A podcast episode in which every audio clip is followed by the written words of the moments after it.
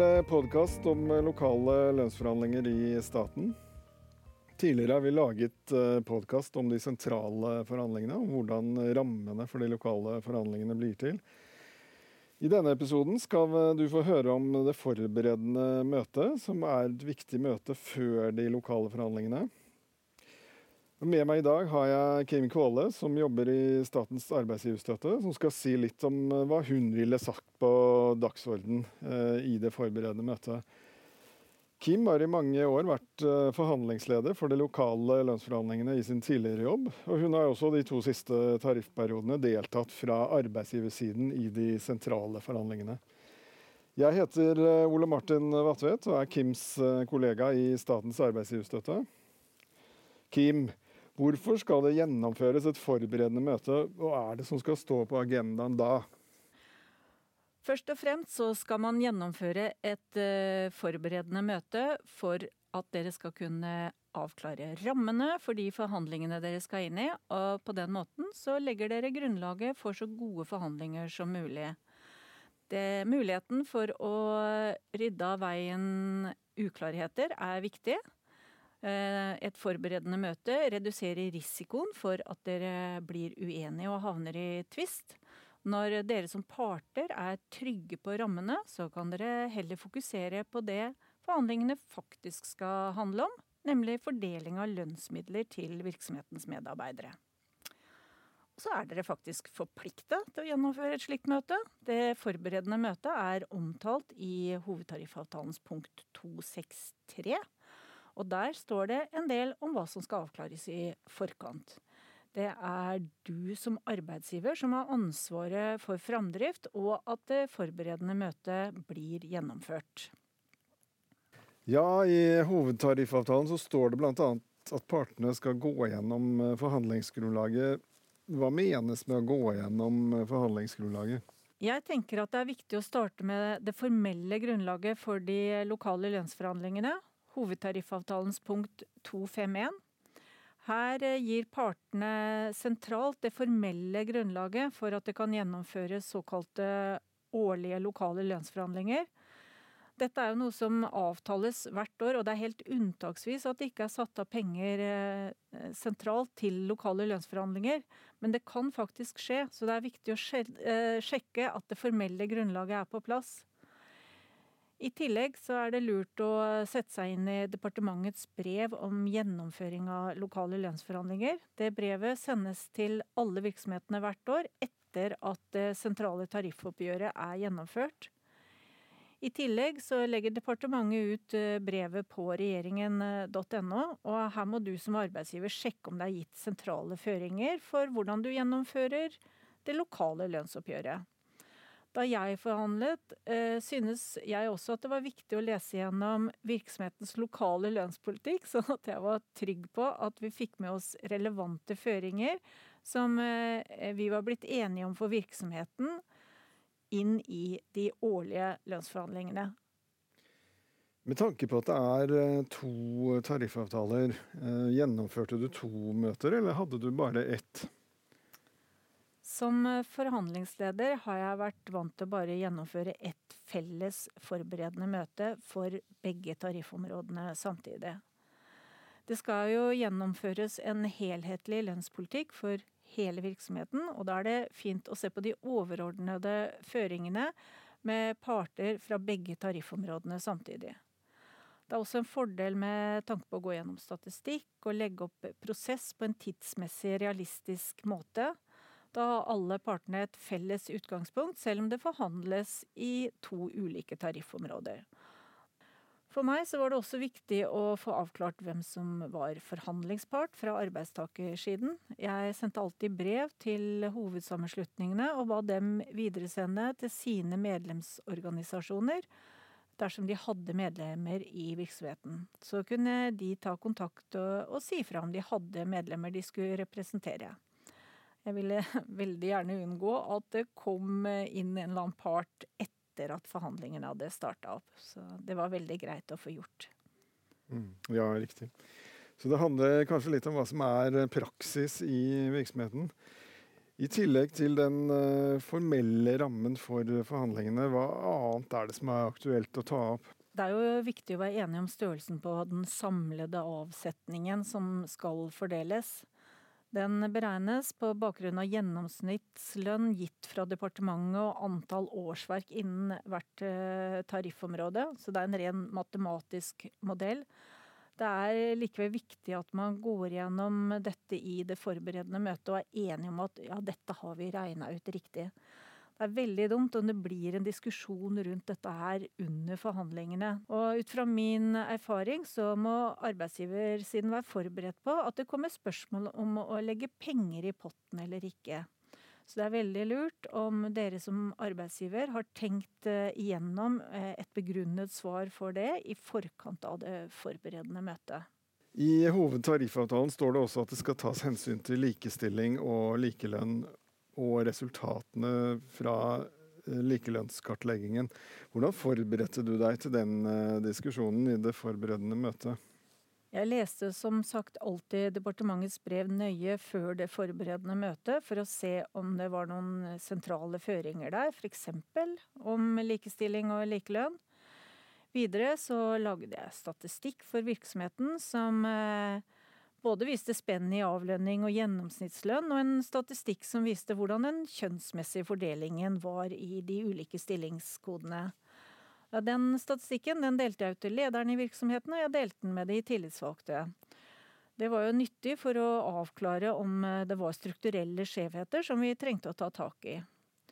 Og I 2022 ble det jo tatt inn i hovedtariffavtalen at også likelønnskartleggingen skal ses på. Eh, og da vil jeg anbefale alle å gå inn og se på opptaket fra Arbeidsgiverpolitisk avdeling eh, sitt frokostseminar om likelønnskartlegging i staten. Her eh, får dere god innføring i hvordan dere kan jobbe med den. Dere finner opptaket på regjeringen.no. Bare å søke på likelønnskartlegging. I den senere tid har det i hovedtariffavtalen for akademikerne og Unio kommet inn et nytt punkt om at partene skal diskutere hvorvidt deler av potten skal brukes til generelle tillegg og eller eh, gruppetillegg. Det er som du sier et nytt punkt. Vi ser jo av spørsmålene til oss i statens arbeidsgiver at det er noe som av og til gir opphav til misforståelser i virksomhetene. Ja, hva er det virksomhetene lurer på? Arbeidsgivere de lurer på om de må gi et generelt tillegg eller ikke. De lurer på hvem som skal være omfattet eh, av det. Skal det være alle, eller kan noen unntas? Hvordan skal det utformes? Det er mange ulike spørsmål.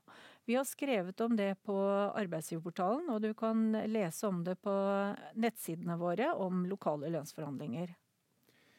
Delegerte forhandlinger er vel også noe som skal tas opp i de forberedende møtene? Delegerte forhandlinger det innebærer å legge deler av forhandlingene på et lavere nivå enn det som er eh, et godkjent forhandlingsområde etter hovedtariffavtalen. Jeg vet at det er en del større virksomheter som eh, bruker dette. Og av og til så er det faktisk også noen mindre som velger å delegere forhandlinger til f.eks. avdelingsnivå. Og da må man huske på at dersom forhandlingene blir delegert, så skal det også gjennomføres et forberedende møte på delegert nivå. Er det noen andre punkter som bør settes på agendaen for det forberedende møtet? Ja, et viktig punkt er jo å avtale kravfrister og møteplan. Kravfrist eh, markerer start for forhandlingene, og møteplan legger rammen for tempo og framdrift i forhandlingene. Når jeg forhandla, så var jeg opptatt av å ha rimelig tid til å utarbeide et godt førstetilbud etter å ha mottatt krav fra fagforeningene. Et dårlig førstetilbud det kan skape dårlig stemning og gi en veldig krevende prosess. Samtidig så ville jeg jo ikke at forhandlingene skulle foregå over for lang tid, for da mister du liksom noe av dynamikken i forhandlingene. Forhandlingene de foregår mellom to parter. Og du må være forberedt på at det er ulike syn, og at dere må eh, prioritere og kompromisse. Det kan være vanskelig dersom du har lagt opp til at prosessen skal gå over eh, veldig lang tid. Er ikke andel av potten i første tilbud en diskusjon som ofte kommer opp? Jo, det er det. Og i det forberedende møtet så er det veldig greit å være forberedt på at det kan komme et spørsmål eh, eller en diskusjon om hvor stor andel av potten som skal legges inn i første tilbud. Min erfaring er at de eh, tillitsvalgte de ønsker at ikke mer enn 60% skal legges inn. Ja, om dette er et tema eller ikke, det vil sikkert variere fra virksomhet til virksomhet, men jeg har inntrykk av at det settes på dagsorden ganske ofte. Og da er det veldig greit at uh, man som arbeidsgiver har gjort seg opp en mening om uh, hva som bør være andel av potten i første tilbud. Jeg har inntrykk av at de fleste arbeidsgivere syns det er en fordel å bruke en større andel, for det gir kanskje en litt raskere framdrift. Og det er jo først når hele potten er fordelt at det blir tydelig for alle parter hva som uh, må prioriteres, og hva som kan nedprioriteres. Hva med lønnsstatistikk og lønnsdata? Det står i hovedtariffavtalen at det skal avklares hvilke lønnsdata og statistikk som skal legges til grunn for forhandlingene, og at det skal tas opp i det forberedende møtet. Jeg syns det er eh, fornuftig og rimelig at eh, fagforeningene har tilgang til lønnsdata for alle i virksomheten. Det er en fordel å ha en opplyst motpart i forhandlingene. Hvordan jobbet du med statistikk? Jeg lagde alltid den samme statistikken over flere år. Det gjør at man ser trender over tid, og det gir et godt grunnlag for å følge virksomhetens utvikling. Jeg opplevde nok eh, også at det av og til kunne komme vel mange ønsker knyttes til statistikk fra de tillitsvalgte. Og det er, det er, viktig å være realistisk i forhold til hvor mye tid man som arbeidsgiver kan legge i å utvikle statistikk. Og da er det faktisk greit å sørge for at fagforeningen har tilgang til lønnsdata, sånn at de kan utarbeide de tallene de syns er viktige. Ja, og hva med dette med forhandlingsmodell? Eh, ja, jeg tok alltid opp det. Altså hvilken forhandlingsmodell fagforeningene ønsket å bruke. Ville de bruke hovedsammenslutningsmodell eller ikke? Det er veldig greit å få på plass i forkant, sånn at man eh, vet det. Så var en annen ting som jeg syntes var viktig å minne alle som skulle være med på forhandlingene om, var at de hadde taushetsplikt. Det er også et viktig moment. Og jeg tok alltid opp i det forberedende møtet, var dette med sluttresultatet og hvordan vi skulle informere om det. Partene de har et felles ansvar for å kommunisere ut eh, forhandlingsresultatet til medarbeidere og kollegaer på en god måte. Og jeg syns også det gir en veldig god påminnelse om hvorfor man forhandler. Det er eh, viktig at eh, de som ikke er en del av forhandlingene, får beskjed på en ryddig måte. Uavhengig av om de blir glade eller skuffa, så må de få riktig og god informasjon. Det syns jeg var en eh, god avslutning på, på denne episoden. Og Takk for at du deler din innsikt fra mange år med lokale lønnsforhandlinger. Vi håper at du fikk eh, mange nyttige råd om det viktige forberedende møtet i eh, lokale lønnsforhandlinger. Da sier vi takk for oss. Følg gjerne også videre med på Statens arbeidsgiverportal, og abonner på vårt nyhetsbrev.